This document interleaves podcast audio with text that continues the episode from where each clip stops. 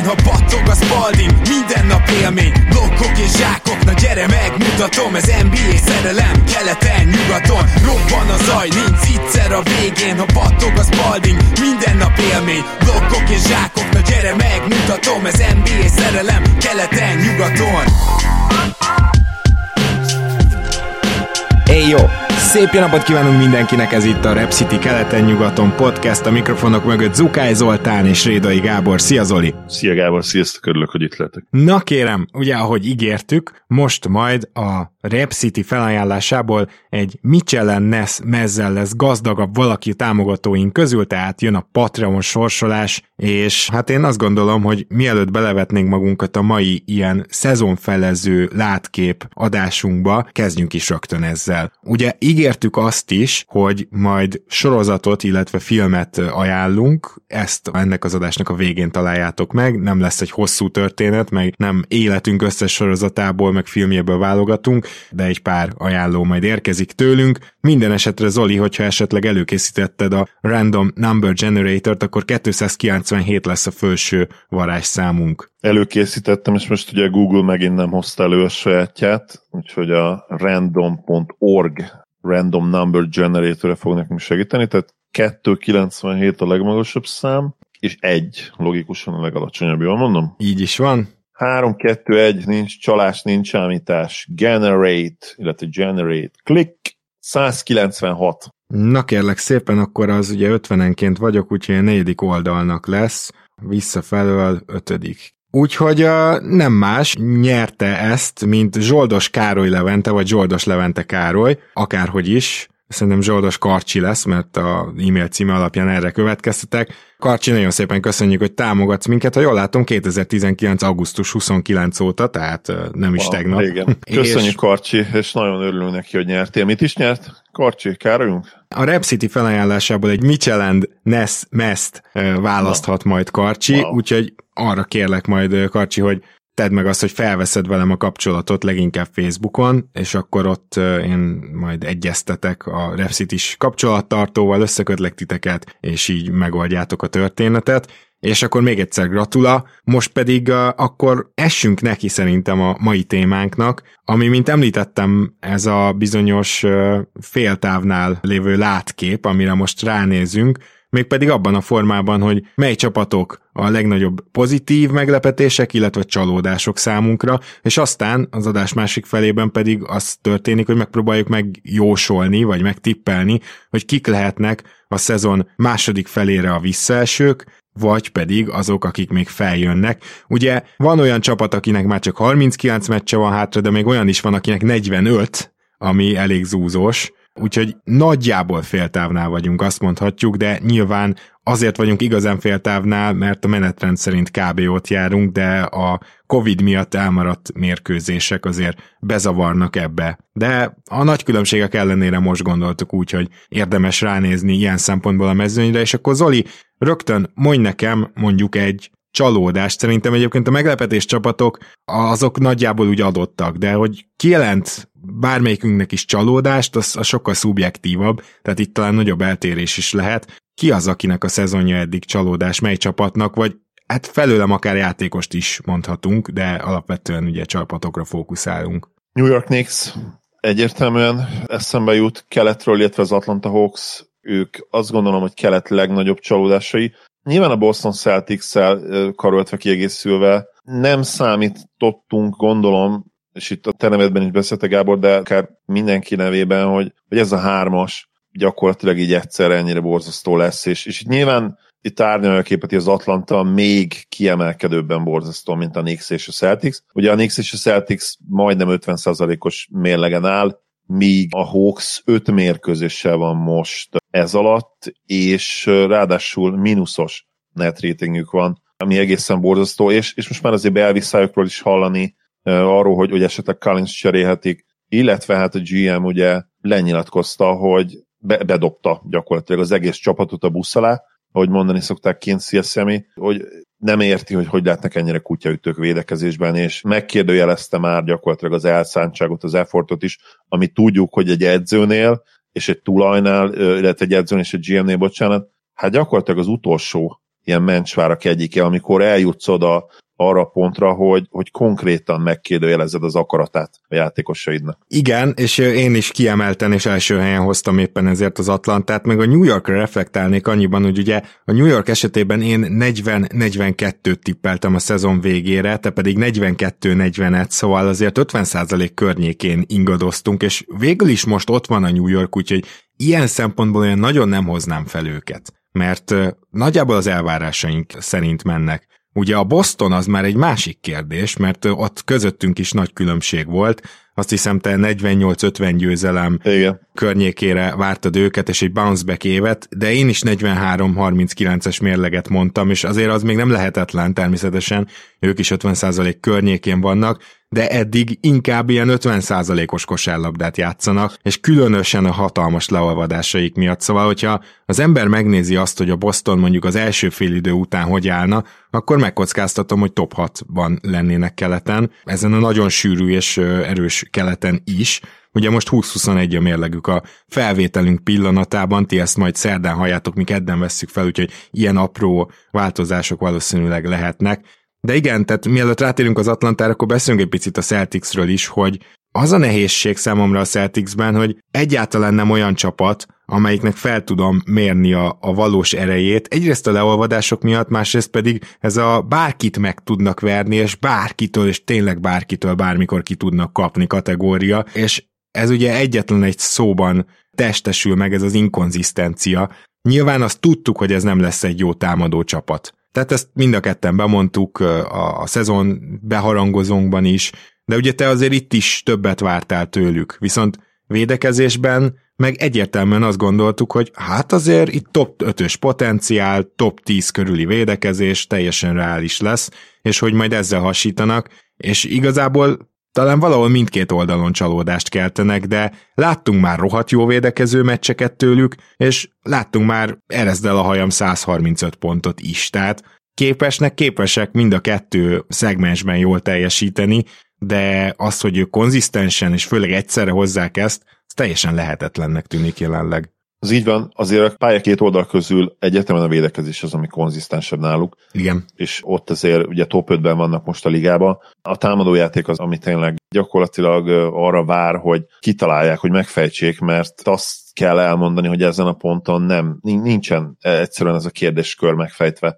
Nincsen egy identitásuk támadásban, amire állandóan lehetne építeni, és nem működik gyakorlatilag semmi, nem működik az ázójáték, nem működik a csapatjáték, hiányoljuk a, a szervezőket, hiányoljuk azt az irányítót, aki segíthetne, hogy a két uh, szuper tehetségnek, de maguk a szuper tehetségek is talán nem léptek annyit előre játékszervezésben, mint amire én számítottam. És hát ugye nem is feltétlenül, hogy Jason Tatumról beszélünk, nem is játszik a saját tudásához közel, és kicsit csalódás, de, de az biztos, hogy a rendszer is jelen pillanatban olyan, ami nem könnyíti meg az ő dolgát, tehát nem játszanak úgymond alá, nem tudják segíteni őt. Tényleg egy olyan lépés, egy olyan, olyan csere kellene ennek a csapatnak, ami kimozdítja őket ebből, mert az a két probléma a két J-vel, és ez meggyőződésem, hogy a fejlődésük is ezáltal lelassul. Ez, ez teljesen egyértelmű. Olyan dolgokat kell megpróbálniuk, olyan játékstílust kell felvenniük, és ez főleg Tédumra érvényes szerintem, ami nem segíti azt elő, hogy ő minél jobb all játékos legyen, ami abszolút benne van a potenciálban, mert ezt láttuk már nagyon korán.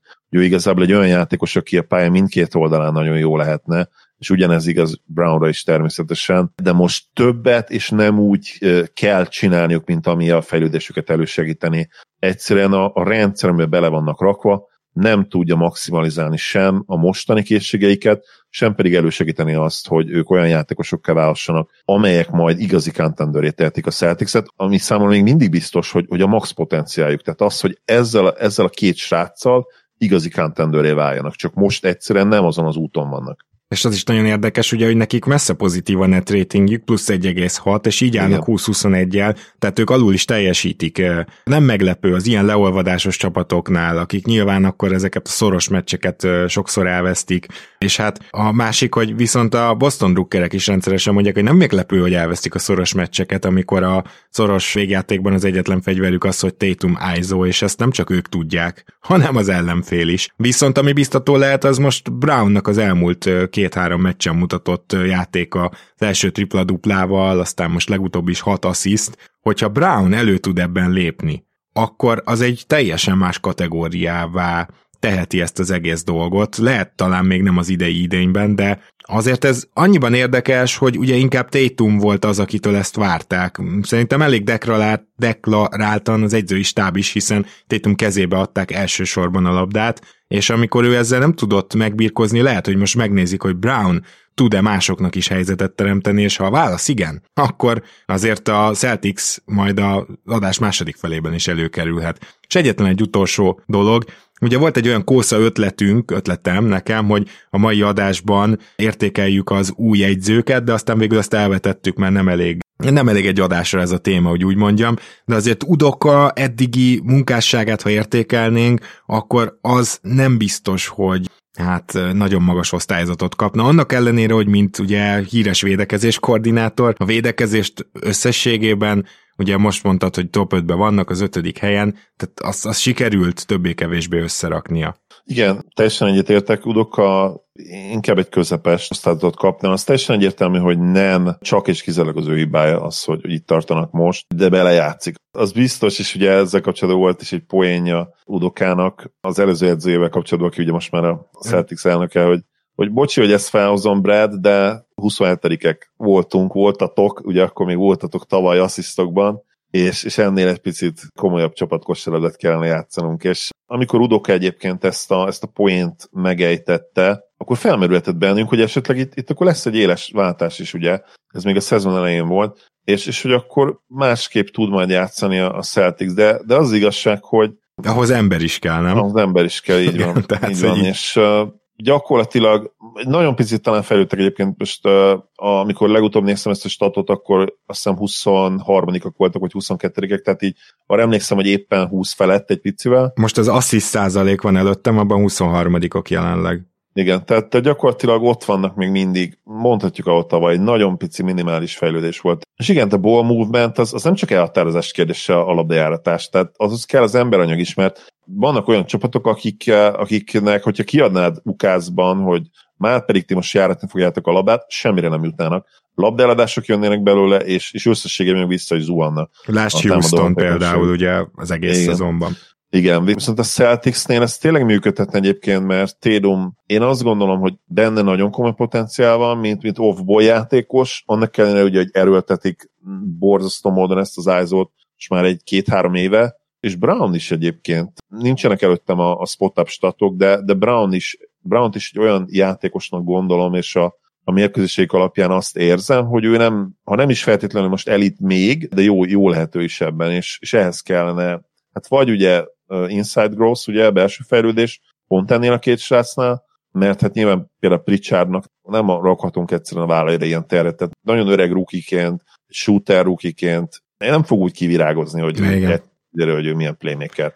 erről meg tudjuk, hogy pont ez nem az Schröderről erőssége. Meg tudjuk, hogy igen, nála aztán meg végképp, nem, úgyhogy, úgyhogy itt vagy, vagy egy jó cserét kell meghúzni, vagy neki kell fejlődniük a, a két J-nek, de záró gondolatként ezt hozzáteszem, hogy én semmiképpen nem cserélném el Térumot, ugye nagyon sokat beszélgettek erről már Celtics szurkolók is, egyéb források is, újságírók, szakírók, itthon is a szurkolók, egyszerűen jelen pillanatban, és nem csak a piac miatt, hanem Térum teljesítménye is úgymond picit megrekedő fejlődése miatt is, az ő piaci értéke egyszerűen alacsonyabb annál, mint ami benne van, mint potenciál. Uh-huh. És, és inkább akkor arra fogadsz, hogy megpróbáld kihozni belőle azt a hihetetlen potenciált, ami tök egyértelműen mindig benne van. Ugye nem olyan régen beszélgettünk a Charlotte Hornetsről, hogy ostromolják a kamionsofőr díjunkat a legnagyobb különbség támadás és védekezés között. Hát van egy másik csapat is, az Atlanta Hawks szintén ezt teszi, harmadikok támadásban, de Nyilván nem fogunk itt az Atlanta Hawks támadó teljesítményéről beszélni, hanem te is úgy vezetted fel, hogy az igazi csalódás nem csak nekünk, hanem gyakorlatilag az egyzőnek, a GM-nek és mindenkinek, hogy 27-ek védekezésben, és az Atlanta hawks kapcsolatban azt próbáltam összeszedni nyilván, hogy, hogy miért csalódtam én ebben. Nos, kétségtelen, hogy elképesztő mennyiségű hiányzójuk volt, és itt most nem a Covid-ra gondolok, ami most már lassan az összes csapatást átesett. Tehát most már minden csapat elmondhatja magáról, hogy volt az a 3-4 meccs, ahol géligás kerettel álltak ki. A szerencsésebbnek csak egy-kettő, de de elég sok csapat hetet vagy másfél hetet töltött el így. Viszont az Atlantának ettől függetlenül, vagy mondjam ezt, a védekezésén az látszott, hogy amikor éppen van kapela, akkor sem működik. És tudom, hogy erről sokat beszéltünk, hogy nem fogom századszor is felhozni, hogy a gyűrűvédés, illetve az, hogy ugye Kapela annyira beúzódik, ezt te szedted ki ugye a statokból, hogy főleg a floater távolságot teljesen feladják. Oké, okay, oké, okay, rendben van, de most van esélyük bizonyítani. A következő 12 meccsükből 10 hazai pályán történik, Egyetlen egy baj van ezzel, nem tudom Zoli, hogy ezt a statot valószínűleg te is hallottad, de hogy ránéztél le magára az Atlanta Hawks schedule hogy oké, okay, tök jó, most otthon lesznek, Miami, Miami, New York, Milwaukee, Minnesota, Miami, Charlotte, Sacramento, Boston, Los Angeles, Toronto és Phoenix. Nem egyszerű, igen. Tehát ebből kellene, a Los Angeles az Lakers, bocsánat, ebből kellene igazából egy 9-3-at hozni, hogy Igen. érdemben tudjunk miről beszélni, mert ezt a csapatot mind a ketten top 4, top 5-be vártuk. Ebbe gondoljunk bele, hogy azzal, hogyha most mennének egy 9-3-at egy viszonylag nehéz következő 12 meccsen, azzal is csak éppen, hogy 50% fölött lennének. Így van, és most a, a listán végtekintve, hát ez mi? Ez inkább egy ilyen 6-6. Hát amit igen, most esetleg tehát... a hazai pályák miatt mondjuk inkább egy, egy 7-5, de... 7-5, igen, de a mostani formájukban még talán ez is egyébként optimizmus, de egyértelmű, hogy most kell megmutatniuk azt, igen. Ez az utolsó esélyük. Azon is gondolkoztam, mert hogy amikor véget ér ez a, a stretch, akkor már február elejében vagyunk igen. bőven, akkor Nyilván ugye... arra gondolsz te is, Gábor, ezt tegyük hozzá, hogy, hogy visszakerüljenek, tehát hogy a negyedik, ötödik helyet megcélozhassák, erre gondolsz, gondolom te is. Igen. Tehát arra az utolsó esélyük, igen, mert nyilván a play-inbe bekerülhetnek még utána, és igen, igen, ilyen mondom. Hogy mi, mi egyébként a probléma a hawks és ez nem feltétlenül csak is kizárólag a védekezés, ugye a, a Lakers meccs pénteken azt szerintem tényleg megmutatta, hogy mi a, az alapvető probléma ennek a, ennek a csapatnak, és igen, a mondtad Gábor, te is ugye, hogy a vírus miatt kidőlt nem kevés játékosok, olyan játékosokat is ugye be kell, be kell tenni a rotációba, akik egyébként nem játszottak volna, és még vissza kell ugye mennünk DeAndre Hunternek a csuklos sérülésére is, ugye a Warriors ellen, de az igazság, hogy már akkor gyengék voltak védekezésben, és amikor még Hunter játszott, akkor is 27-ek voltak, és most is 27. helyen állnak, ami hát azért rávilágít arra tényleg, hogy, hogy mi, mi az alapvető problémájuk. És tényleg ez, hogy, hogy egyszerűen nem tudnak védekezésben olyan teljesítmény nyújtani. Amit tavaly tudtak már. Talán innen induljunk ki, hogy láttuk ezt teljesen ugyanezt a keretet gyakorlatilag. Az is, hogy Redis ugye, amikor pályára kerül, dob egy csomó pontot, aztán folyamatosan azt kommunikálják, hogy elcserélik, Redist lassan meg kellene hosszabbítani, nyilván ez ezért van, de Őszintén szóval Red is például nem néz ki olyan vészesen védekezésben a pályán. Na mindegy, hát az Atlantát ilyen szempontból is fogjuk majd elemezni, mikor legközelebb rájuk kerül a sor, de hogy ez egyértelmű csalódás, azt szerintem innen most már érthető. És azért én csak felírtam az Indiana Pacers-t, mert ahogy te a Bostontól vártál bounce back szezont, ugye én is a hetedik helyre vártam őket, de az Indiánát meg egyenesen azt hiszem te nyolcadik, én meg ötödik, hatodik helyre vártuk, tehát ott meg én voltam az, aki nagyon agresszívan nyomta, hogy már pedig az Indiánának jó szezon jön, és még mindig 0,0-ás a net ratingjük, ami azért érdekes, mert ezzel ugye nagyjából olyan negára kéne, hogy álljanak, ami a 8., 9., inkább 9. hely lenne keleten. Na most ehhez képest 15-26 és az összes szoros meccsüket elvesztik, most is hosszabbításba veszítettek. Nagyon nehéz mit mondani ilyenkor, még hogyha külön megnézitek az ilyen mutatókat, hogy lepattanózásban milyenek, stb. általában jók. Tehát, hogy nincsenek ilyen kiugró problémák az indiánával, és még így is nagyon-nagyon rossz mérleggel állnak, és tényleg az a kérdés, hogy ez például Szabonisznak az All-Star hát jelölésébe kerül-e, mert szerintem igen, tehát igazából egy nagyon-nagyon szuper szezont hoz most is. És hogyha most az Indiana a, a hetedik helyen állna mondjuk, akkor Szabonis gond nélkül all lenne, de nyilván nem ez a legnagyobb problémája az Indinek, hogy most Szabonis all lesz-e vagy nem, csak azt szeretném jelezni, hogy tulajdonképpen ezzel a teljesítménnyel, ha be tudnák fejezni a mérkőzéseket, akkor most nem beszélgetnénk róluk, mint csalódás, és nem tudom, az a nagyon kicsi hiányzik, lehet, hogy itt valami nem állt össze, de az is elképzelhető, hogy tényleg kell nekik egy csere, ami felrázza őket, mert, mert nem lehet csak a szerencsétlenségre fogni szerintem, amikor ennyire alul teljesíted a net ratingedet. Igen, és egyébként az is egyetem, és az is árt a csapatnak, hogy, hogy Tronel és, és Levert, tehát tudjuk, hogy gyakorlatilag el fogják őket cserélni, mert ők is tudják, tehát konkrétan Turner meg a csapata már Instagramon mémeket raknak ki, ugye a Get Out című filmből, és be, az egyikük betegelte Paul George-ot, aki ugye híresen lelépett szintén ugye a Pacersből, persze sokkal-sokkal jobb játékos volt, mint Turner, de, de a lelki állapot az hasonló.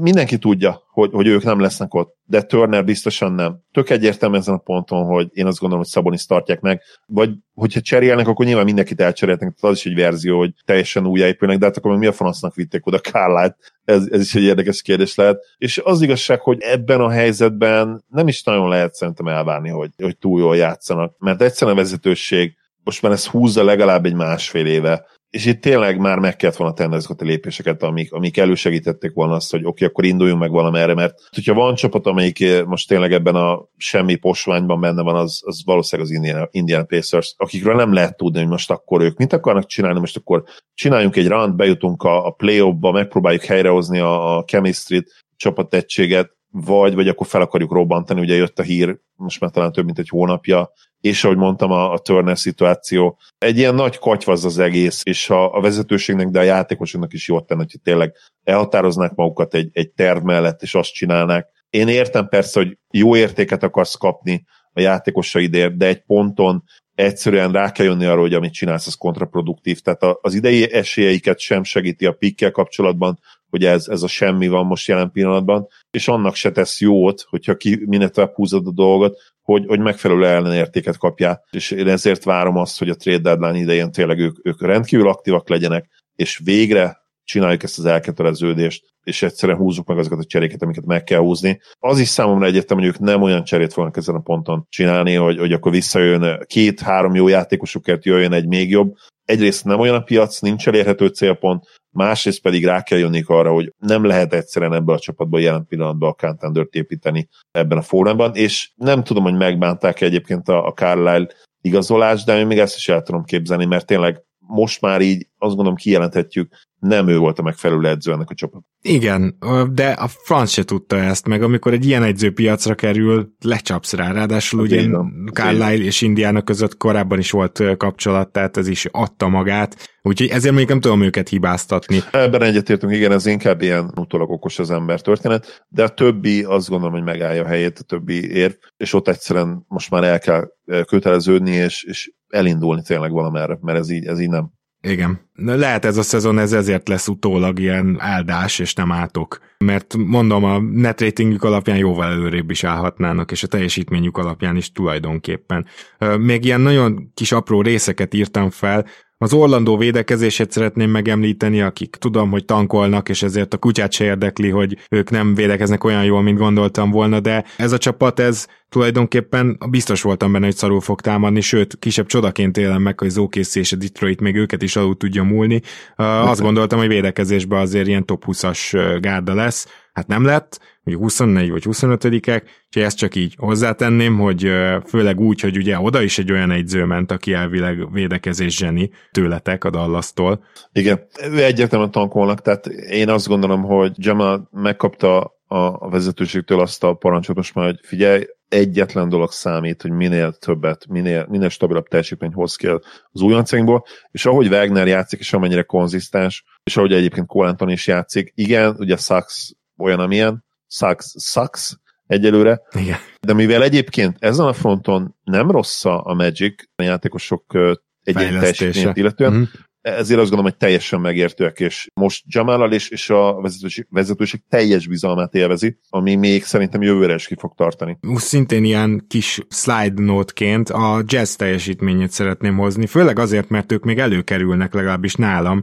az adás későbbi felében is. Szóval az a helyzet a jutával, hogy az egy dolog, hogy 60 győzelmet vártam tőlük, és ez szinte biztosan nem lesz már meg. Most gyakorlatilag három csapatnak van erre reális esélye a 60 győzelemre, de a jazznél azt látom, hogy a leges legegészségesebb csapat volt épp az elmúlt időkig, és ez alatt sem tudtak annyira dominálni, mint vártam, úgyhogy tulajdonképpen a Rudigé igazolás bejött, Whiteside nem néz ki szörnyen cserecenternek, olyan emberek estek inkább vissza, mint Clarkson, mint uh, akár Ingolst is nyugodtan felhozhatjuk, mert ő is egyértelműen rosszabb, és ugye Mitchell megint lass, lassan kezdett. Szóval inkább olyan emberek estek vissza, akit nem vártunk, és a másik pedig az, hogy Rudy Gobert tavaly nagyon megmentette a védekezésüket. Idénre úgy látszik, hogy azért az ellenfelek is tanultak ebből, és sokkal többet próbálják már kivonni Gobert a palánk alól, olyan váltásokba kergetni, ahol kis embert kell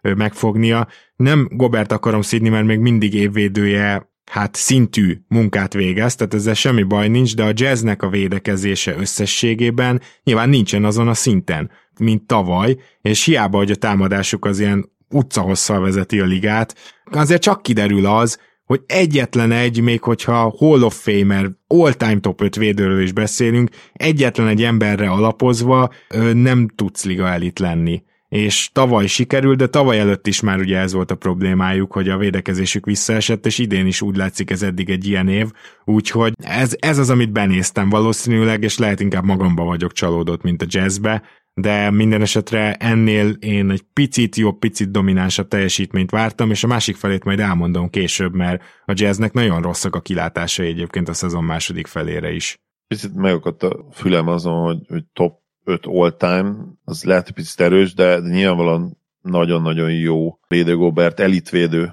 Legyen csak top 10, de azért az a kategória, aki köré felépíted a csapatot védekezésével. Ha van naprendszer támadás, akkor ez a naprendszer védekezés. Igen, ez, ez így ebbe a formába azt gondolom megállja a helyét. Nem tudom, hogy hova raknám őt az all-time legnagyobb impact rendelkező védő listámon, nem biztos egyébként, hogy top 10-be, de a magas emberek között egyértelműen top 10-be. Ugye nálam ez úgy szokott lenni, hogy picit talán történelmi értelemben túlértékelem, szeretem túlértékelni a, a perimétervédőket, természetesen felfogva azt, hogy egy magas embernek mindig nagyobb lesz az impactje, viszont itt ugye én azt is belekalkulálnám pont ezt, hogy, hogy már a pozíciókból fogva, a pozíciójuk okán nagyobb impact rendelkezik, és úgymond igazságtalan előnyből indulnak ebből a szempontból. Ezt én azért szeretem főleg az oltám listákon kompenzálni, és, és odarakni a, a Jordaneket, a, a Pippeneket, a Rodmaneket kicsit magasabbra. De témánál maradva azt gondolom, hogy a jazz egyértelműen csalódás, védekezésben egyértelműen csalódás, és tényleg rávilágít arra, amit mondta Gábor, hogy hiába ennyire jó valaki hosszú távon azért ez nem működhet, hogy, hogy egyébként van hát legalább egy, de talán kettő gyenge egyéni védő a kezdődbe, és nyilván még, hogyha a bőrotációt is oda vesszük, akkor ugye Clarkson is ott van a legtöbbet játszó játékosok közül, aki kifejezetten gyenge védő, és, és ez azért meglátszik. Viszont az egyébként nagyon-nagyon fontos és, és megsüvege, megsüvegelendő a jazznél, hogy ők az egyetlen csapat idén, akiken nem látszik meg ez az új rendszer támadójátékukba, ugyanolyan dominánsak, mint tavaly voltak, és ugye a hasonló teljesítmény, ugye ez a 116-os offenzív rating, ami, ami tavaly a negyedik helyre volt elég, ebben az új NBA-ben, mert kimondhatjuk, hogy ez most már azért egy új NBA, ahol nem olyan egyszerű elit támadó csapatnak lenni már, vagy legalábbis ugye olyan hasonló statisztikákkal. Náluk ez nem látszik meg, és, és ugyan, ugyanúgy 116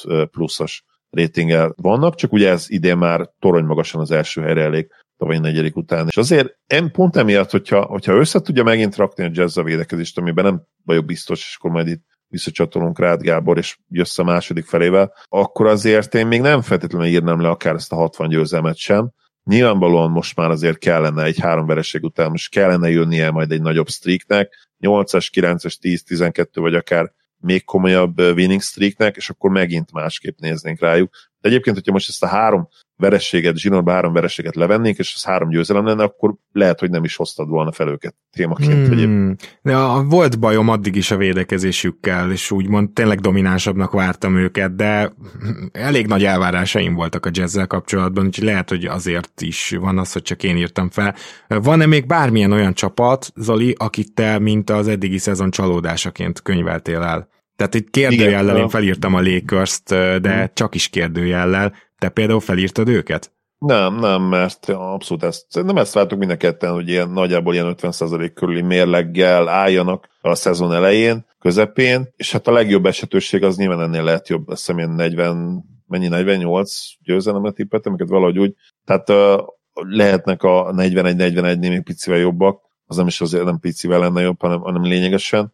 Szerintem ez bennük lehet, főleg ahogy LeBron játszik mostanában, de nem úgy néz ki egyébként, hogy benne van a keretben az, hogy ők ilyen 8-as, 10-es győzelmi sorozatokat indítsanak, és, és ez. Nyilván a, a Nuggets-et felírtam, de, de aztán végül le is vettem, mert tehát ugye ott annyira a sérülésekről van szó, és a Dallas természetesen ide akartam uh, citálni, hozni, de most annyira jó formában van a csapat, és annyira jól védekezik, hogy levettem őket is, vagy fel se raktam őket, mert uh, tényleg nagyon jól játszanak mostanában, és le a kalappal nem gondoltam volna, hogy a védekezést ennyire jól össze tudják rakni. Nyilván nem akarom túlreagálni, és azt mondani, hogy innentől kezdve ők ez a csapat egész szezonban, tehát top 5-ös védekező csapat, mert annyira fura lenne ez a Dallas mavericks az elmúlt 15-20 év alapján. Nagyon-nagyon ritkán voltak, sőt, hát szerintem alapszakaszban nem is voltak top 5-ben egyszer sem. A legjobb éveikben tényleg az a Dörkféle csapat még bajnoki címet is nyert, az volt talán top 10-ben, de mint hogyha az is top, 10, eh, top 12-ben lett volna, inkább is 10 kívül, tehát Számomra teljesen szokatlan az, hogy a féltávnál top 5-ben van a Mavericks. Most egyébként hatodik, de az elmúlt heteket, hónapokat nézve meg ugye torony magasan első a védekezésben az elmúlt 6-7 meccs alapján, úgyhogy ez számomra még nagyon szokatlan és ízlelgetni kell. Igen, és ezért nem is tűnik tarthatónak. Tehát én, hogyha most jósolnom kéne, akkor a Mavericks ebben még visszaesik majd, viszont támadásban meg pont a fordítottját várom, és Nyilván van egy ilyen ritmusa is a dolgoknak. Nagyon ritka az, hogy valaki úgy javul felvédekezésbe, hogy támadásba is tud javulni, vagy, vagy tartani tudja mert hogy a Dallas ugye az egyik csiga csapata a ligának, elképesztően lassan játszanak, és ugye a lassú control game-ben igen, jobban tudsz védekezni, és igen, a támadást így egy picit azért háttérbe szorítod, úgyhogy pont a tempóváltásnak is lehet a következménye az, hogyha ez a trend egy picit megfordul, vagy hát nem a megfordul a jó szó, de közelít egymáshoz, maradjunk ennyiben. Oké, okay, akkor viszont beszéljünk egy kicsit a pozitív meglepetésekről is, mert hogy az, az is bőven van, és én a Chicago bulls kezdenék, akiknél annyit írtam föl, hogy teljesen unreal védekezést tolnak, nem gondoltam volna, és ezért óriási meglepetés, hogy láttam már Vucevic körül, vagy láttunk már Vucevic körül jó védekezést, ugye Orlandóban. Láttunk egy-két szezonban jó alapszakasz védekezést, ezt hangsúlyoznám DeRozan körül, Torontóban. Ezek a játékosok úgy voltak jó védekezéseknek a részei, hogy gyakorlatilag csak elit vagy jó védők vették őket körbe. Zach Levin körül még nem láttunk jó védekezést, és hogy ez a három játékos egyszerre fenn van a pályán sokat, illetve ezt a három játékost 30 plusz percre játszatod, és Donovan ezt így is megoldja egyelőre, az még a mai napig azért kiállt nálam, hogy ezt nem lehet tartani. Viszont az is nagyon érdekes elgondolkozni azon, hogy ugye nyilván ők nem sokat switchelnek, tehát megpróbálják kihasználni azt, hogy olyan védőik vannak, akik mondjuk nagyok, akár erősek, mert inkább nagyok és erősek, de főleg az erő az, ami náluk játszik. Erre próbálnak rájátszani, ezért van az, hogy inkább kevesebb switch, Vucevic semmi esetre sem kerüljön olyan játékos elé, de DeRozan sem, viszont a többiek meg nagyon aktívan, nagyon sok mozgással, sok besegítéssel gyakorlatilag lerakják azt a futó teljesítményt a pályára, amivel ez a védekezés működni tud. Na most nyilván ki ellen nagyon rossz matchup ez, tehát ki okozna nekik hatalmas matchup problémákat? Hát a Brooklyn,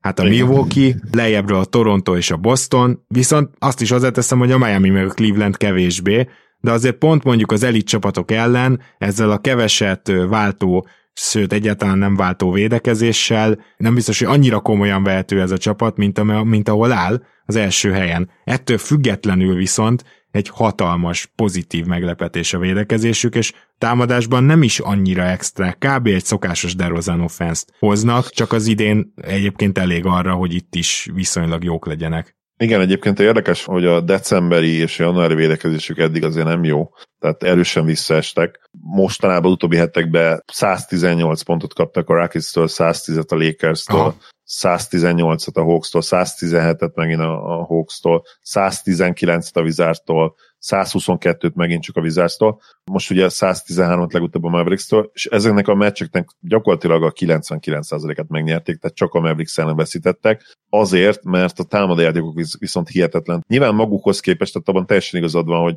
nem vártuk azt se, hogy ennyire jó legyen a védekezés, mint amennyire ugye novemberben jó volt, novemberben és december elején, viszont azóta azért erősen visszaesett a védekezés, és mivel a támadójátékok ennyire konzisztens egész évben, ezért így is nyerni, nyerni tudnak, de azért felmerülnek kérdések. Nyilván egyre magasabbra tesszük a lécet a Bullsnál kapcsolatban, és csak az a kérdés azért basszus, hogy mit fognak, mit tudnak majd csinálni a play és itt azért ez a jelen pillanatban is zajló minta, és kiderül majd, hogy tényleg ez mennyire Mennyire egy trend mennyire trend, igen, köszönöm, egyszerűen nem jutott eszembe az, hogy a trend szó, pedig azt kerestem. Kiderül, hogy, hogy tényleg bezuhan a védekezésük, és mondjuk a szezon végére inkább már ilyen 18.-20. lesz az alapszakasz végére, vagy tudják ezt tartani legalább ezt a ezt liga közepi szintet, mert az elég lehet ahhoz, hogy 60 győzelem környékére érjenek oda.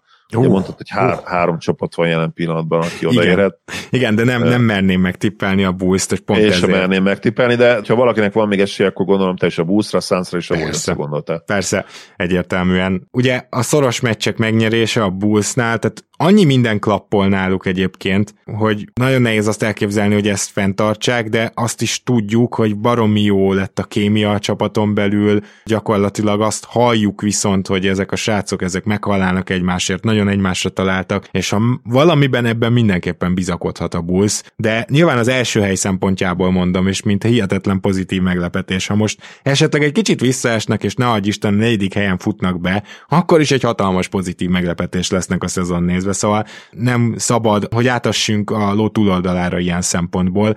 Ez, amit most csinálnak, ez bőven még a legfényesebb elvárásokat is fölülmúlja. És valahol azért hasonló helyzetben van a Golden State Warriors is, akik viszont tényleg a védekezésük mentén mennek, ami liga elit, és még Draymond Green nélkül is tudnak olyan szintű védekezést a parkettere rakni, amivel igenis szinte bárkit lelassítanak. Ezt azt gondolom, hogy nem csoda, hogy nem látta senki előre. Nagyon érdekes az, hogy ugye tavaly két csapat volt, amelyiknek azt mondtuk a védekezésére, hogy hát azért ez nem biztos, hogy tartható, ugye a New York és a Golden State. És az egyiknél igazunk lett, a New York abszolút nem tudta tartani azt a szintet, a Golden State még emelt is rajta. Emelt is, igen.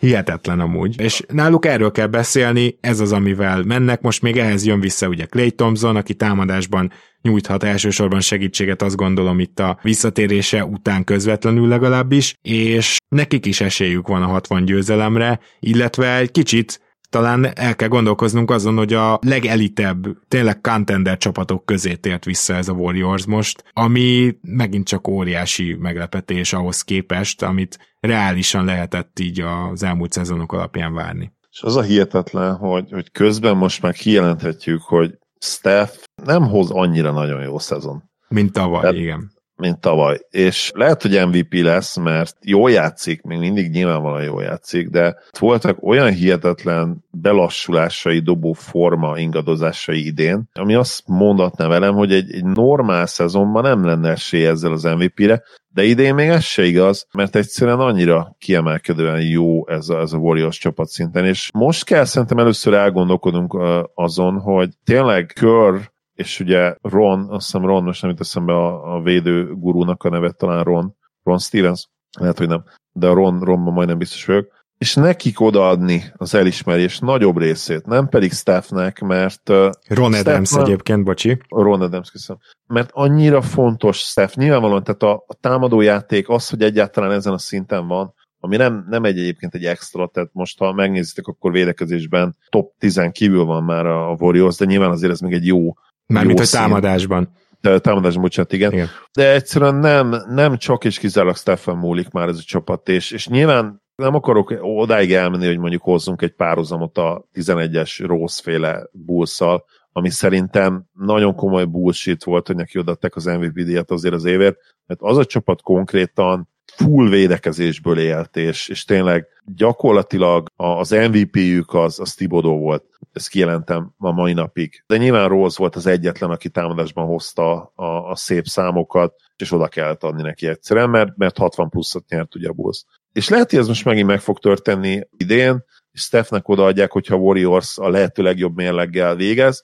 de nekem az picit árnyaltabb lenne, még akkor is, hogyha nyilván Steph sokkal jobb játékos, mint amilyen Derrick Rose volt, mert az igazság, hogy abból a szempontból hasonló lesz ez a Warriors, hogy csapat érdem és csapathatékonyság, és a védekezésük, a legfőbb fegyverük, ami, ami egészen hihetetlen, még úgy is, hogyha tudjuk, hogy a Warriors azért mindig jó védőcsapat volt, de hát a támadójátékuk tette őket azért úgy igazán dominánsá azokban az években, amikor nyertek, és idén ez abszolút nem így van. Igen, Tényleg idén ez fordítva van. Azt is nagyon ritka, tudod, hány csapatnak a szurkolója álmodozik arról, hogy oké, okay, rendben, megvan az a három-négy játékos, aki tudom, hogy köré lehetne építeni, vagy beleképzelem, hogy köré lehetne építeni a bajnok csapatot, itt az első eset áll fenn, nyilván a Warriorsnál tudjuk, de hogy akkor igazoljuk le ezt, meg azt, és őt engedjük el, és a kiegészítők tökéletes kombinációjában látják meg azt, hogy majd na majd hogy lesz ez bajnok csapat. Na ez az, ami 10-ből 9 nem működik, és ez a kivétel. Tehát, hogy ilyen szinten bejöjjön az összes kiegészítő, akit igazolsz, hogy bejöjjön Bielica, hogy előkapard, nem is hiszem, hogy Gary Payton the third úgy igazolták, hogy majd ő fogja magát és kezd meg, fontos perceket hoz a padról. Szerintem nem így igazolták konkrétan, hanem tegyünk vele egy próbát alapon. Az, hogy Otto Porter milyen szinte a legjobb éveit megközelítő, nyilván nem azon a szinten, de legjobb éveit megközelítő teljesítményt tud letenni a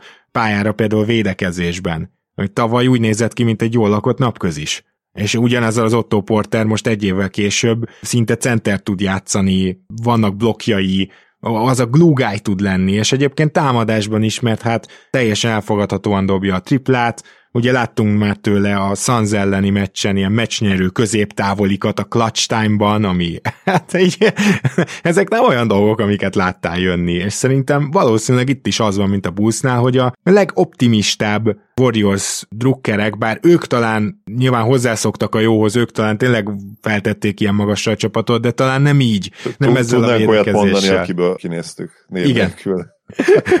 Tudnánk, az biztos. Na jó, hát csak ezt akartam mondani, hogy ezért egy igazi meglepetés a Warriors, mert máshogy jó, és azért is, mert szinte minden kiegészítő működik, és mindenki jól sült el, ami, mondom, szerintem ez tízből egyszer történik van, meg egy csapattal. Ez tényleg az kell, hogy amit beszéltünk, hogy nincsen rendszer, ami segíti a Celtics-et, na itt basszus van egy olyan rendszer, ami, ami hibátlanul működik. A segédedzőktől az edzőkön át, a helyszín, ami ott van, a, a szurkolók, ahogy, ahogy reagálnak. Tehát itt, itt van egy komoly különbség is, tehát hogy a Celtics szurkolói hogyan szurkolnak a csapatnak, vagy a New York Knicks-et is mondhatnám. Tehát egyszerűen hozzászoktak ahhoz, hogy ők nyernek, és nem bírják elengedni. Most a Knicks-nél hagyjuk ezt, hogy mikor nyertek, de... Jó, igen, ezt értem. Nem mostanában volt, de legalábbis olyan elvárásaik vannak mindig, minden évben, és ez nyilván a warriors is igaz, de az egész az egy teljesen más közeg, ami egy olyan közeg, ami segíti a játékosokat segíti az edzőket abban, hogy a lehető legjobb teljesítmény nyújtsák, és ez, ez nincs meg mindenhol. Tehát ezt észre kell venni, hogy amit ők összeraktak, az, az egy különleges dolog, és ezt nem egyszerű összerakni, és ez komoly évek gyakorlatilag több mint egy évtized, vagy legalább egy évtized munkájával rakták most már össze Curry draftolása óta, és az lépésről lépésre, tehát a Warriors egy loser franchise-nak Abszolút, teljesen. Tehát azért, mert ez tényleg a közös sztoriuk ott a nézőknek és ennek a csapatnak egy, egy közös felemelkedés történet, ami biztos, hogy egy életre összeköti ezeket a mostani szurkolókat a gárdával. Úgyhogy nem csodálom, hogyha ez a benyomásod, hogy egy ilyen támogató közeg van, és azért lám-lám, csak túléltek egy olyan szezont, ahol a liga legalja voltak, és egy olyan szezon, ahol a liga közepén szenvedtek gyakorlatilag, és most ki kell mondani, hogy visszatértek az élre, nem feltétlenül az első helyre mondom, hanem az élmezőnybe, tehát azt a kiemelkedést, azt már nem hiszem, hogy meg tudja csinálni ez a mag, de azért, azért ezt nagyon-nagyon jó nézni. Viszont elfogultságot jelentek be, hogy mégiscsak nekem a Memphis a legfantasztikusabb pozitív sztori, és nyilván azért, mert a Memphis a második kedvenc csapatom a Raptors után, de azért egyre többen vannak ezzel így. Azt is látom. Most ez nem, nem ér semmire, hogy egyre többen szeretik a Memphis, nyilván Jamarant elképesztően látványos, és ez a legutóbbi blokja, ez hát én nem tudom, hogy, hogy ennyire atletikus plate eh, játékot mikor láttam utoljára. LeBron csinált ilyeneket Gyakorlatilag a, a fénykorában, igen. Hát nyilván a 10, 16-os blokk az még inkább piedesztára van emelve teljes joggal, hiszen ugye egy döntő hetedik mérkőzésének utolsó pillanatig beesett. Persze, de, de még az, az sem volt, volt ennyire atletikus. Hát, talán mondjuk attól függ, tehát Ja kicsit magasabbra ment fel, LeBron azért nagyobb sebességgel robbant be. Mind a kettő szerintem etalon atletikus képességről tett Ez egyértelmű, bizonyságot. De egyébként egyértelmű, hogy John Morantnak fiatal Derrick Rose féle atletikus adottságai vannak, ez nem kérdés. És tudom, hogy ezért is egyre többen megkedvelik a Grizzlies, és hallottam olyan érveléseket is, amikor azon beszélgettünk itt, hogy például a nyugati All-Star kezdőnkbe, jövő héten ez téma lesz, de Most egyelőre annyit elárulok, hogy ugye az, hogy ki lesz Curry mellett például a kezdő hátvéd, az Donovan Mitchell és Jamorant között egy ilyen eldöntendő sztori egyelőre legalábbis az adminoknál, de egyébként bárhol máshol is tettem meg. Nem, hogy én ki is venném Mitchell, tehát én meg nem értem, hogy miért kérdés ez. Mert hogyha, hogyha a Mitchellnél kérdés, akkor már rakjuk, rakjuk oda Lukát is. Tehát Mitchell jó szezont hoz, de nem extra kiemelkedő szezont véleményem szerint. Persze most a statisztikailag külön megnézed ugye John Morantot, akkor persze, nem sokkal jobb, mint Mitchell. Nem sokkal jobb, mint Mitchell, igen, de egyébként tényleg ez is fontos itt, hogyha ha az All-Star szellemiségéből indulunk ki, akkor szerintem no-brainer. Tehát Jó, hát akkor igen. látni a kezdőbe, inkább Jamorantot vagy, vagy Mitchell. De, de hogyha arról beszélünk, hogy ki a jobb játékos, akkor persze ez még egy árnyaltabb dolog ma. De hát Morant napról napra fejlődik. Tehát igen, viszont, viszont itt szeretnék egy picit Morant ellenérvelni, de igazából csak abba a vitába, amit ti nem láthattok általában, kedves hallgatók, csak nézőhallgatóink, csak mi betekintést nyerünk, szóval ott ugye felmerült az, hogy hát persze milyen könnyű jó advanstatokat hozni Gober és Kanli mellett, ami igaz, de azért ne tegyünk már úgy, mintha a Memphis az egy majdnem géligások gyülekezete lenne Morentel, hanem én kimondanám azt, hogy messze és egyértelműen a legmélyebb csapat a ligában. És csak az választja el attól, hogy ezt fel is ismerjék a, akár a nézők, világszerte az NBA közönség, hogy Morant mellett nincsen sztár. Bane meg Jaren Jackson is elképesztően jó kiemelkedő kezdők. Jaren Jackson Jr. védekezéséről biztos, hogy ebbe a podcastbe egy külön pár percet majd hamarosan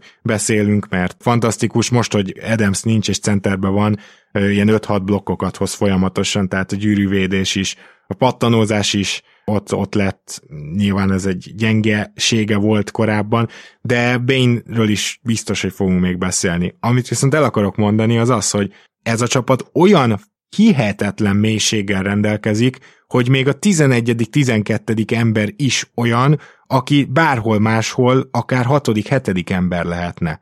Tehát a, a, a Káncsár, érted, bejön, és dob 46%-kal triplából. És az ember arról korábban is tudtuk, hogy akar, tud és hajlandó védekezni, az, hogy meglepően atletikus, de hogy ez a dobás azért eddig nem volt meg.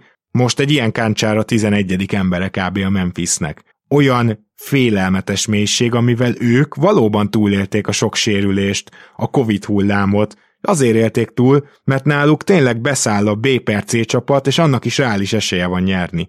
Még ezt rengeteg gárda nem mondhatja el magáról. Úgyhogy ez, ez az, amit kiemelnék a memphis kapcsolatban, és ez a mélység már olyan szintű, és olyan szinten a liga legjobbja, hogy szerintem ez már a playoffban is megmutatkozhat. Félretes ne essék, ott le kell majd szűkíteni 8-9 emberre, sokkal nagyobb választási lehetősége lesz majd Jenkinsnek, hogy melyik legyen az a 8-9 ember, és akár ö, párharconként tudja majd változtatni. És most Brooks ugye megsérült 3-5 hétre, valószínűleg az All-Star nem látjuk, és a Memphis-t ez hihetetlen módon nem fogja megérinteni, pedig nyugodtan lehetne érvelni azzal, hogy még mindig Brooks összességében a második legjobb játékos ennek a csapatnak, ami mennyire brutális. Úgyhogy ez az igazi hatalmas sztori Memphisben, nem csak és kizárólag Jamorant. Zoli, szerintem csak említés szintjén én azért megmondanám, hogy a sokat beszélt Cleveland mindenképpen ugye egy pozitív meglepetés a Giant Ball-lal, és a minnesota írtam még fel. Te felírtál-e bárkit, vagy pont a Clevelandet és a Minnesota-t felírtad-e? A Minnesota számodra pozitív meglepetés? Én ugye azt vártam, hogy egy kicsit 50% alatti mérleggel végeznek, számodra még inkább annak kell lenni, mert te bőven 50% alá vártad őket, és most ugye 50% környékén hát, állnak. Oké, okay, de most az olyan nagy dolog idén 50%-on lenni a Covid szezonban, nem tudom. Szerintem ez Hát figyelj, egy jó sztori őken... mindenképpen az, hogy mondjuk egy D'Angelo russell ilyen jó a védekezés. Tehát ott Flinch olyan csodákat tett, ami mindenképpen pozitív meglepetéseket hordoz magában. Nem tudom, azért nekem ennél kicsit több kell, hogy rákerüljenek erre a listára, de oké, okay, nem fogok vitatkozni a te választásoddal. A Portland Trailblazers egyetemi negatív meglepetés, tehát tőlük én azt gondolom nem bártunk ilyet, hogy, hogy ennyire borzasztók legyenek. Nyertek kettőt Ginóba, és is 8 meccsel vannak 50% alatt.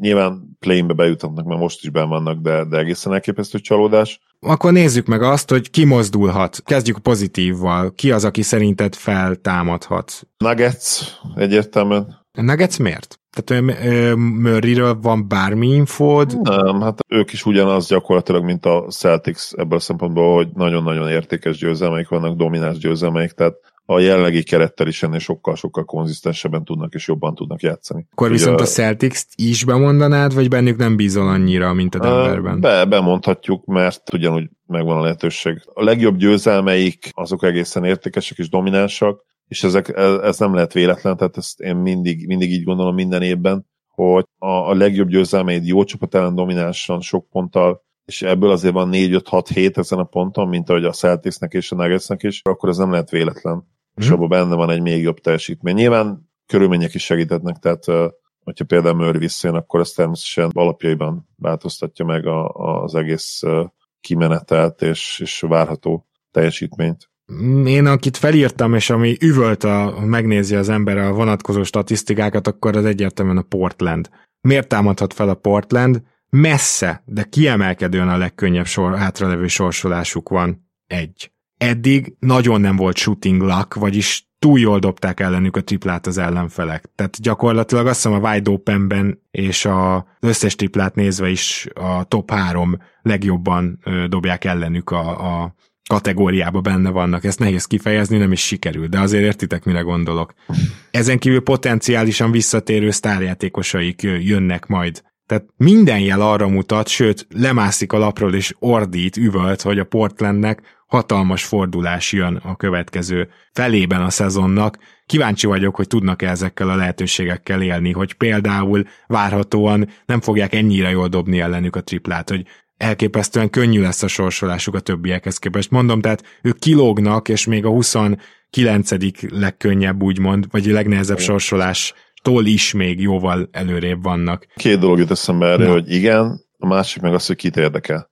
Hát Szerintem... azért szerintem itt még a playoff picture-be akkor akár beleszólhat a Portland, és ezt mindjárt Bele, abszolút be is juthatnak a playoffba, és akkor mi lesz? Tehát nekem abszolút ez jut eszembe, hogy a leg, legjobb esetőség egy elsőkörös késés. Ó, így mm. persze, igen, igen. Tehát mi, minek, mi értelme van ezért? Tehát én értem persze, hogy nyilván neki, neki most az a feladatunk, hogy találjunk olyan csapatot, amelyik a jelenlegi mérlegénél sokkal jobb lehet az alapszakasz végére, és ez nyilvánvalóan a Portland az egy a legfőbb ilyen ahogy mondta is Gábor, csak ezért miért lelkesedjünk, vagy miért, miért érdekel ez minket, amikor az egész projekt az már nyilvánvalóan halott abból a szempontból, hogy ebből soha büdös életben nem lesz contender se, hogy, és meg kéne lépni azokat a cseréket itt is, amikről ugye már nagyon sokat beszéltünk. Én azért is emeltem ki a Portlandet, mert szeretném hozni a lakers mint potenciális, figyelem, elképzelhető visszaesőt. Ugyanis a harmadik legnehezebb sorsolás van hátra a Lakersnek, és Ugye hasonló helyzetben van a Brooklyn, nekik a nyolcadik legnehezebb sorsolás van hátra, viszont ugye a Brooklynba most ért vissza, és innentől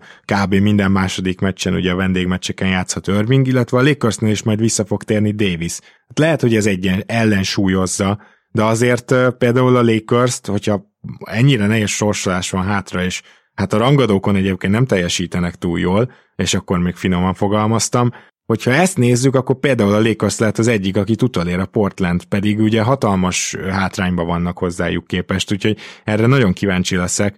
Ugye említettem a Brooklyn még lehetséges visszaesőt, szintén nehéz sorsolás, és egyre rosszabb formába kerülnek egyébként, tehát uh, én kíváncsi leszek, hogy nyilván ahogy megjön Irving, ugye a támadásuk lórugásnyit fog fejlődni, hogy ismét ezzel a képzavarra élhessek, de vajon a védekezésüknek ez a szép lassú visszaesése, ez nem gyorsul-e fel vele a pályán, mert egyébként az eddigiek alapján de, úgyhogy majd én nagyon kíváncsi leszek erre is. Brooklyn-t is bedobom, mint visszaesőt. Felírtad-e a Milwaukee Bucks-t lehetséges visszaesőnek, Zoli? Nem. Oké, okay, akkor megindokolnám. Messze, kiemelkedően a legrosszabb a hátralevő sorsolásuk. Annyi szerencséjük van, hogy ők neki, ő nekik már csak 39 meccs van hátra, Említettem, hogy van akinek még 45 például a Torontónak, szóval talán emiatt ez nem lesz annyira hangsúlyos, de mondom, kiemelkedően a legrosszabb hátralevő sorsolással rendelkező csapat, és még egy dolog, eddig hatalmas shooting luck jellemezte őket, ellenük dobják a legrosszabbul a wide open triplákat, például 33,7%-kal. Tehát itt van olyan csapat, akinek 41%-kal dobják ezeket a wide openeket, és ugye azért ez minden csapatnál meccsenként 15 és 21 közötti tripla rádobás. Csak hogyha valaki azt gondolna, hogy hát ez a pár százalék különbség nem számít, de, de itt aztán nagyon. Úgyhogy a Milwaukee Bucks elég egyértelműen úgy tűnik, hogy a szezon könnyebb részén van túl, ahol ráadásul szarul do- dobtak ellenük az ellenfelek, és így sikerül most egyre lejjebb csúszni. Nagyon kíváncsi leszek, hogy ők meg tudják állítani a csúszást úgy, ahogy most mondtam, nagyon nehéz lehet a szezon második fel ennek a csapatnak. A Bucks szerintem meg fogja tudni tartani ezt a harmadik, negyedik helyet, ugye ahol most vannak, és szerintem nem is nagyon érdekli őket egyébként, hogy konkrétan hol fognak végezni. Az első hely azért most nagyon messze van, ez a hat, hat mérkőzés különbség az, azért az ezen a ponton nagyon-nagyon sok. Bár hozzáteszem, hogy a bulls azért ide lehet venni a potenciális visszaesők közé. Igen, és beszéltünk is róla, hogy miért. Én azért nem írtam fel őket, hanem még a jazz írtam fel hasonló okokból. Nekik is eddig nagyon nagy a shooting luck, és nekik is nehéz sorsolás van hátra, tehát mint ahogy a Bucksnál, a jazznél is elmondhatjuk azt, hogy a szezon várhatóan jóval nehezebb része következik. Úgyhogy azért ez nagyon érdekes, hogy most mennyi élcsapat van, vagy jó csapat, akinek a hátralevő sorsolása ennyire nehéz, mert ugye erről a mutatóról tudni kell, hogy a jó csapatoknak általában ők be se tudnak kerülni a top 5-be mondjuk, vagy top 10-be, mert nekik automatikusan könnyű a sorsolásuk azzal, hogy mindenki alattuk van, akivel játszanak, úgyhogy e- ezért hívnám fel erre különösen a figyelmet. És igazából még egy pozitív csapatot szeretnék nektek itt megmutatni, a lehetséges ilyen előre mozduló csapat a Miami Heat. Egyrészt azért, mert a Brooklyn és a Bucks is nehéz helyzetbe lehet, de a másik az az, hogy a Miami Heatnél van szerintem a titkos évegyzője, Eric Spolstra, aki hihetetlen, hogy ebből a elképesztően sekélyes csapatból úgy értem, hogy nagyon nem mélyek, tehát tényleg már a cserepad is gyakorlatilag olyan, hogy épp hogy össze lehet rakni, hogyha mindenki egészséges. Ilyen csapatból ennyit kihozott úgy, hogy folyamatosan sérül Jimmy Butler, Adebayo már ki tudja mióta nincsen, rengeteget küzdtek a Covid-dal, tehát náluk ez egy ilyen elhúzódó sztori volt, szerintem döbbenetes munkát végez Eric Spolstra, és hogyha ebbe a csapatba szépen visszajönnek a hiányzók, akkor nekik speciál nincs olyan nehéz sorsolásuk hátra. Én azt gondolom, hogy a Miami Heat még olyan meglepetést is okozhat, és ez most egy nagyon durva hatték, de szerintem még ne zárjuk ki azt se, hogy első helyen végeznek keleten. Zoli, er- erre tudsz valamit reagálni, mert ezt igyekeztem egy hattékkel befejezni azért. Három pontot kapnál érte, többet azért nem, de, de egy hármat igen. Na jól van, akkor szerintem nagyjából a végére értünk annak, hogy ki a csalódás, ki a pozitív meglepetés, és hogy kik azok, akik mozdulhatnak a mm, szezon hátralevő részében egy nagyobbat, vagy legalábbis szerintünk. Van-e esetleg bárki, akit kihagytunk, Zoli, akit még megemlítenél? a felírt anyagomban nincsen senki más, biztos valakit kihagytunk, mert valakit mindig kihagy az ember. Hát figyelj, az Atlanta nyilván mozdulhat felfele, meg az Indiána, tehát őket Persze. ide is ide kéne sorolnunk, azt gondolom. A, igen, abszolút. Potenciálisan persze kb. mindenkit ide lehetne sorolni. Tehát mm. vagy a, hmm. mert bárki lehet vagy visszeső, vagy feljavuló. Hát igen, de úgy értem, hogy az Atlantában meg az individuálisan megvan a potenciál erre. Igen, igen, talán, igen. talán őket azért írjuk fel, meg hát nyilván szegény Cleveland, ahogy egyre sérültebb, úgy egyre inkább a visszaesőknek a lehetséges Persze. listájára kívánkozik, de akkor nagyjából ennyi. Akkor beszéljünk egy picit arról, hogy mind a ketten láttunk most pár filmet az elmúlt időszakban, és azt gondolom, hogy mindkettőnknek talán a Ne fel volt a, az igazán ö, olyan film, amit, amit megérte megnézni, és örülünk, hogy megnéztünk. Igen, bár én mint filmet picit túlértéketnek tartom, tehát én mint komédia, és, és főleg egy-két karakter, ugye Jonah Hill karaktere számomra egészen hihetetlenül vicces volt. Ez a mama kedvence, és már már ez a, hogy hívják, a Ödipus szindróma? Aha. Talán ez az Ödipus szindróma, igen, hogy olyan szinten nem sikerült leválni anyuról, hogy még a szexuális vonzalom is benne maradt, ami ugye előfordul szoptatásnál is, meg, meg utána még egy pár évig ugye ez, ez természetes dolog, és azt aztán ugye leválnak anyuról mindenféle szempontból, fizikailag is és emocionálisan is az egészséges emberek, és hát ő rajta maradt, elég csúnyán anyun, de hogy milyen arroganciával hozta ezt a karaktert, és egyébként ebben benne volt azért jó pár improvizatív pillanat is, hagyták a, a színészeknek, hogy improvizáljanak minél többet, a számomra zseniális volt, és ez az eleme az, ami, amire itt csettintek, és amit itt kiemelnék. Nyilván ala, értem a társadalom kritikát, és igen, azt gondolom, hogy vagyunk olyan szinten, hogy felmerülhessen legalább a gondolata annak, hogy, hogy akkor ez tényleg így lenne? És egy része lehet, hogy tényleg így lenne. Nyilván nem olyan szinten, hogy, hogy már a fejünk felett lenne a, a meteorit, és már szemmel látható, és nagy tömegek akkor kapnának kézbe, de igenis lennének csoportok, akik, akik nem hinnék el az utolsó pillanatig, és egyébként ez azért is lenne így, mert, mert az ember pszichológiája így működik, tehát hogyha ha tudnád azt, és azt kellene felfognod, megértened, hogy van valami, ami ellen gyakorlatilag nem tehetsz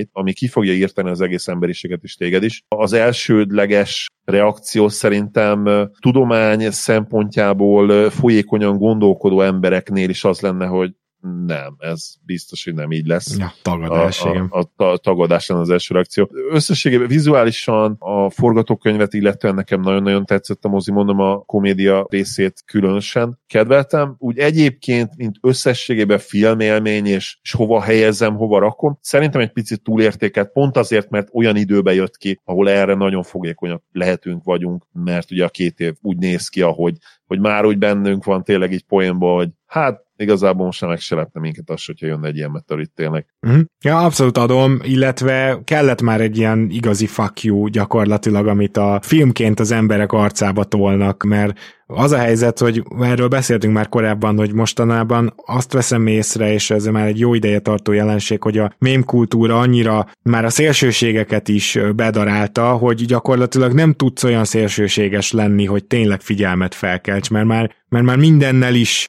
gyakorlatilag készült mém, és már a posztmodern szférában gyakorlatilag minden elveszti a jelentőségét, és ezért kellett egy ilyen hatalmas, gigantikus középső új egy film formájában, hogy, hogy azért hatást érjen el. Tehát ezt nem lehetett volna finomabban. 2010-ben még igen, most már nem. Úgyhogy e- ez az, ami szerintem még egy ilyen ugyan néhol eltúlzott, de mégis leginkább erős eleme a filmnek, hogy tényleg nem finomkodott, nem valami éppen hogy átszűrődő iróniát, sőt, sőt, inkább már szarkazmust csempészett a filmbe, hanem gyakorlatilag az egész film egy hatalmas középső új, amit így végignézünk, és az emberiségnek szól, és abszolút mind a két oldalnak a dolgait át lehet benne érezni, úgyhogy tényleg örülök, hogy megnéztem.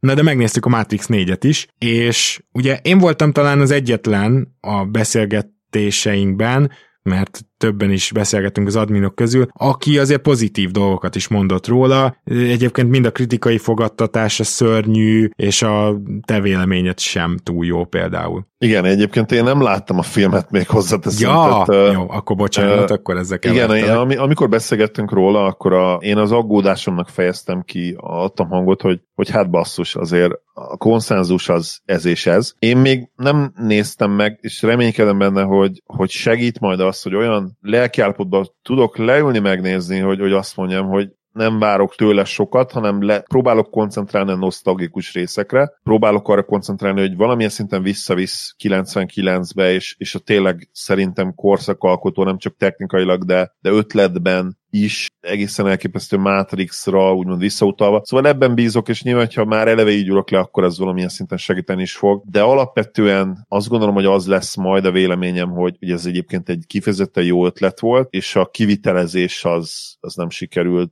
Kíváncsi vagyok, hogy ez lesz a véleményed, erre majd térjünk vissza. Ugye gyakorlatilag a legnagyobb baj a Matrix 4 az, hogy nem tudott olyan epikus lenni, sőt meg se tudta közelíteni az első hármat, és különösen az elsőt ilyen szempontból, és nyilván ezt az epikusságot teljesen részének éreztük a Matrix élménynek. De ugyanakkor ez a Matrix élmény, amit te is mondtál, hogy az a zseniális ötlet és az a világépítés, az azért itt is fellelhető. És a társadalmi, aktuális kérdések felvetése és hát elég erős szétcincálása tulajdonképpen nem direkt filozofálgatások kapcsán, hanem gyakorlatilag a konstrukció mentén, ahogy a Matrixban is, itt is a négyben szerintem felelhető. Szóval ezek az érzések megvannak, és ezek nem rosszak, és ezért nekem összességében egy jó kis élmény volt a film. Annak ellenére, hogy én is láttam, hogy egy kicsit ilyen romantikus filmé sűjesztették, Neo és Trinity szerelmi kapcsolata volt a középpontban, és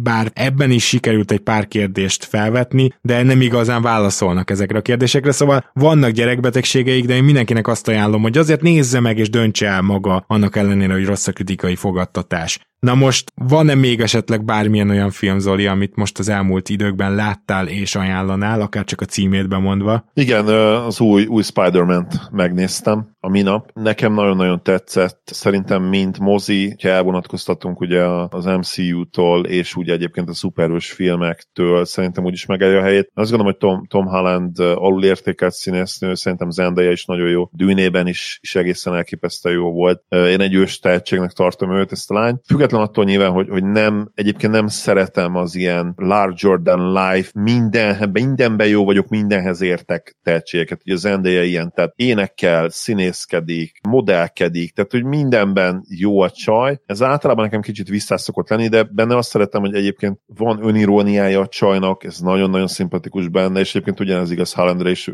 ők ugye most az új álompár, akik együtt vannak, és az is szimpatikus bennük egyébként, hogy nem a hajlandók elárulni gyakorlatilag semmit a kapcsolatukról, hanem teljes mértékben titokba akarják tartani, és ilyen veszteségnek is élték meg azt, hogy az a lesi fotós dolog, ugye, amikor a, az egyik ilyen kocsiban elejtett csókjukat, azt, azt a világ elé tárták, és azzal gyakorlatilag helyettük coming out De visszatérve a filmre, nyilván ezek, ezek olyan tényezők, amik megmagyarázzák azt, hogy miért szimpatikusak a színészek, de miért jó maga a film. Nyilván azért, mert úgy tudott fanservice lenni, hogy egyébként egy nagyon-nagyon erős sztorit is, is odarakott, véleményem szerint, aminek az előzményei is érdekesek, és az utózöngéi is, hogy merre vihetik majd tovább ugye a multiverse elméletet. Nyilvánvalóan én nagyon-nagyon szeretem a, a szuperhíró mozikat, de tényleg azt gondolom, hogy ha ezt külön valaki megnézi, nyilván nem árt, hogyha tudod az el, ismered az előzményeket, és nem árt, hogyha nem csak ugye, a, de ezt inkább leselövöm, mert ugye ne spoilerezzünk, de, de a lényeg az, hogy bárki, aki leül megnézni, azt szerintem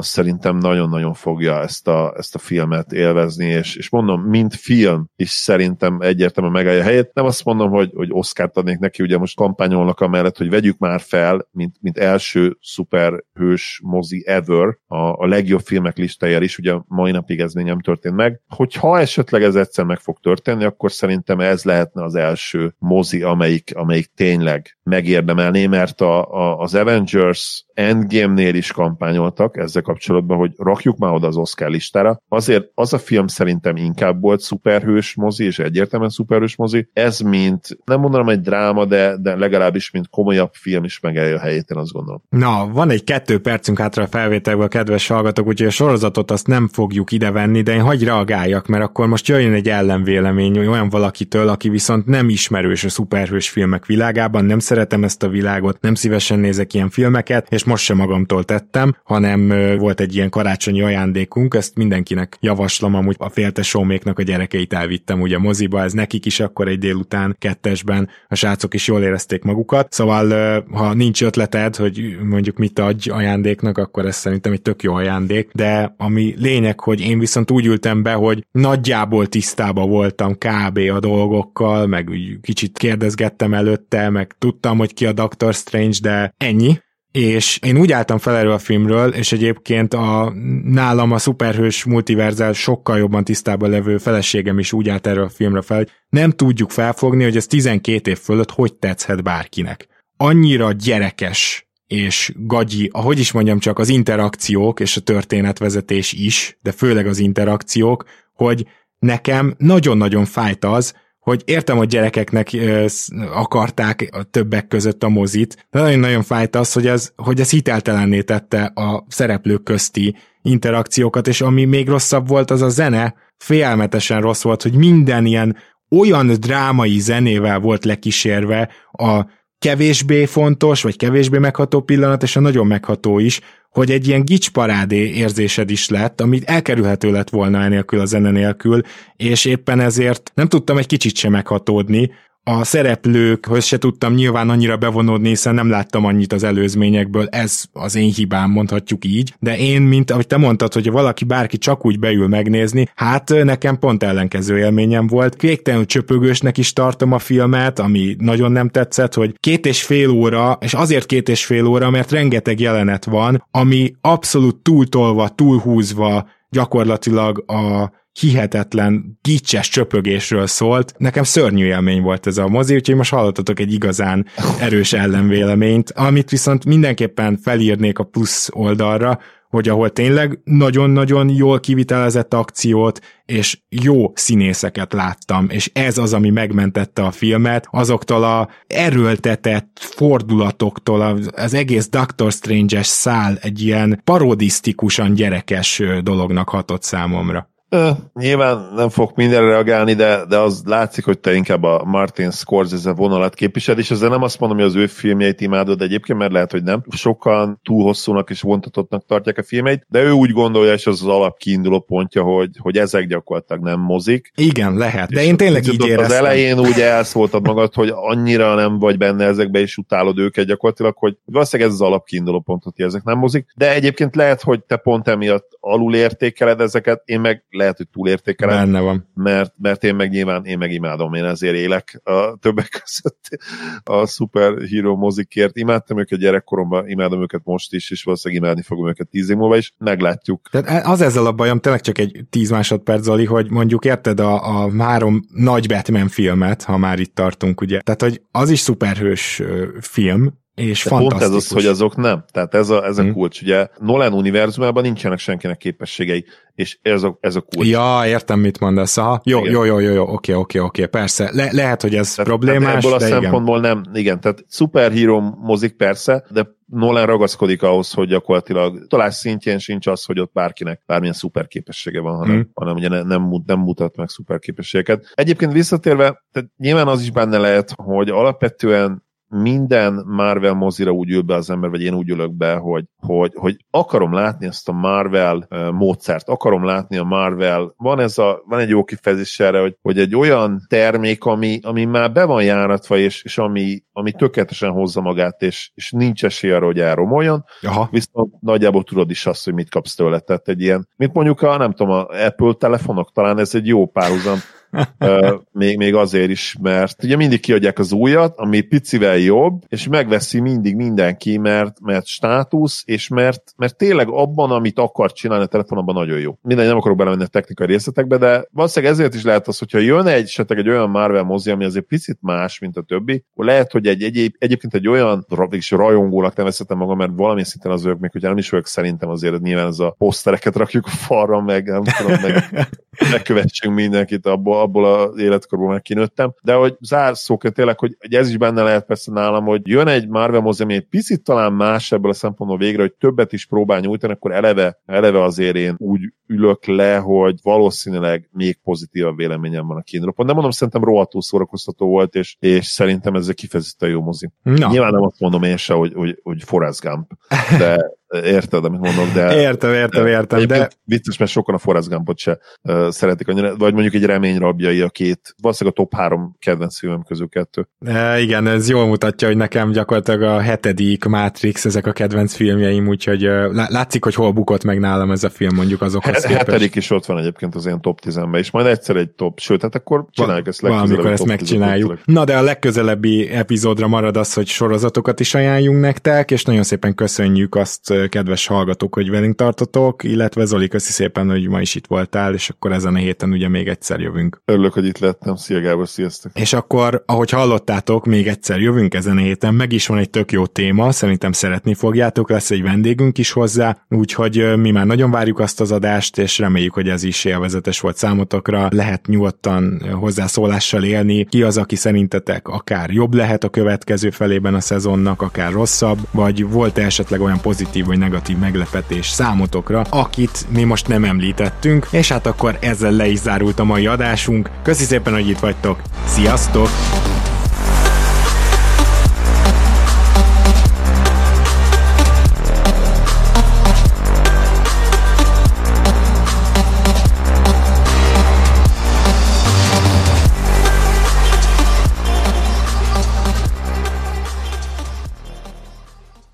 Ha más podcastekre is kíváncsi vagy, hallgassd meg a Béton műsor ajánlóját. El tudod képzelni, hogy a podcastet, amit éppen most hallgattál, fél év múlva már a mesterséges intelligencia generálja? Mi sem. De ha érdekel, eljötte már a gépek lázadása. Hallgass bele az Embertelen podcastbe. Orsós Lajos vagyok, a műsor házigazdája. Egyelőre még élőben. Egyelőre. Fedezzük fel együtt, hogyan ismerkedik, randizik, mesél és vitatkozik Betty és Péter, két teljesen mesterséges intelligencia. Lajos, a podcast címét mond még egyszer, Léci. Oké. Okay. Embertelen podcast. Ez a műsor a Béton közösség tagja.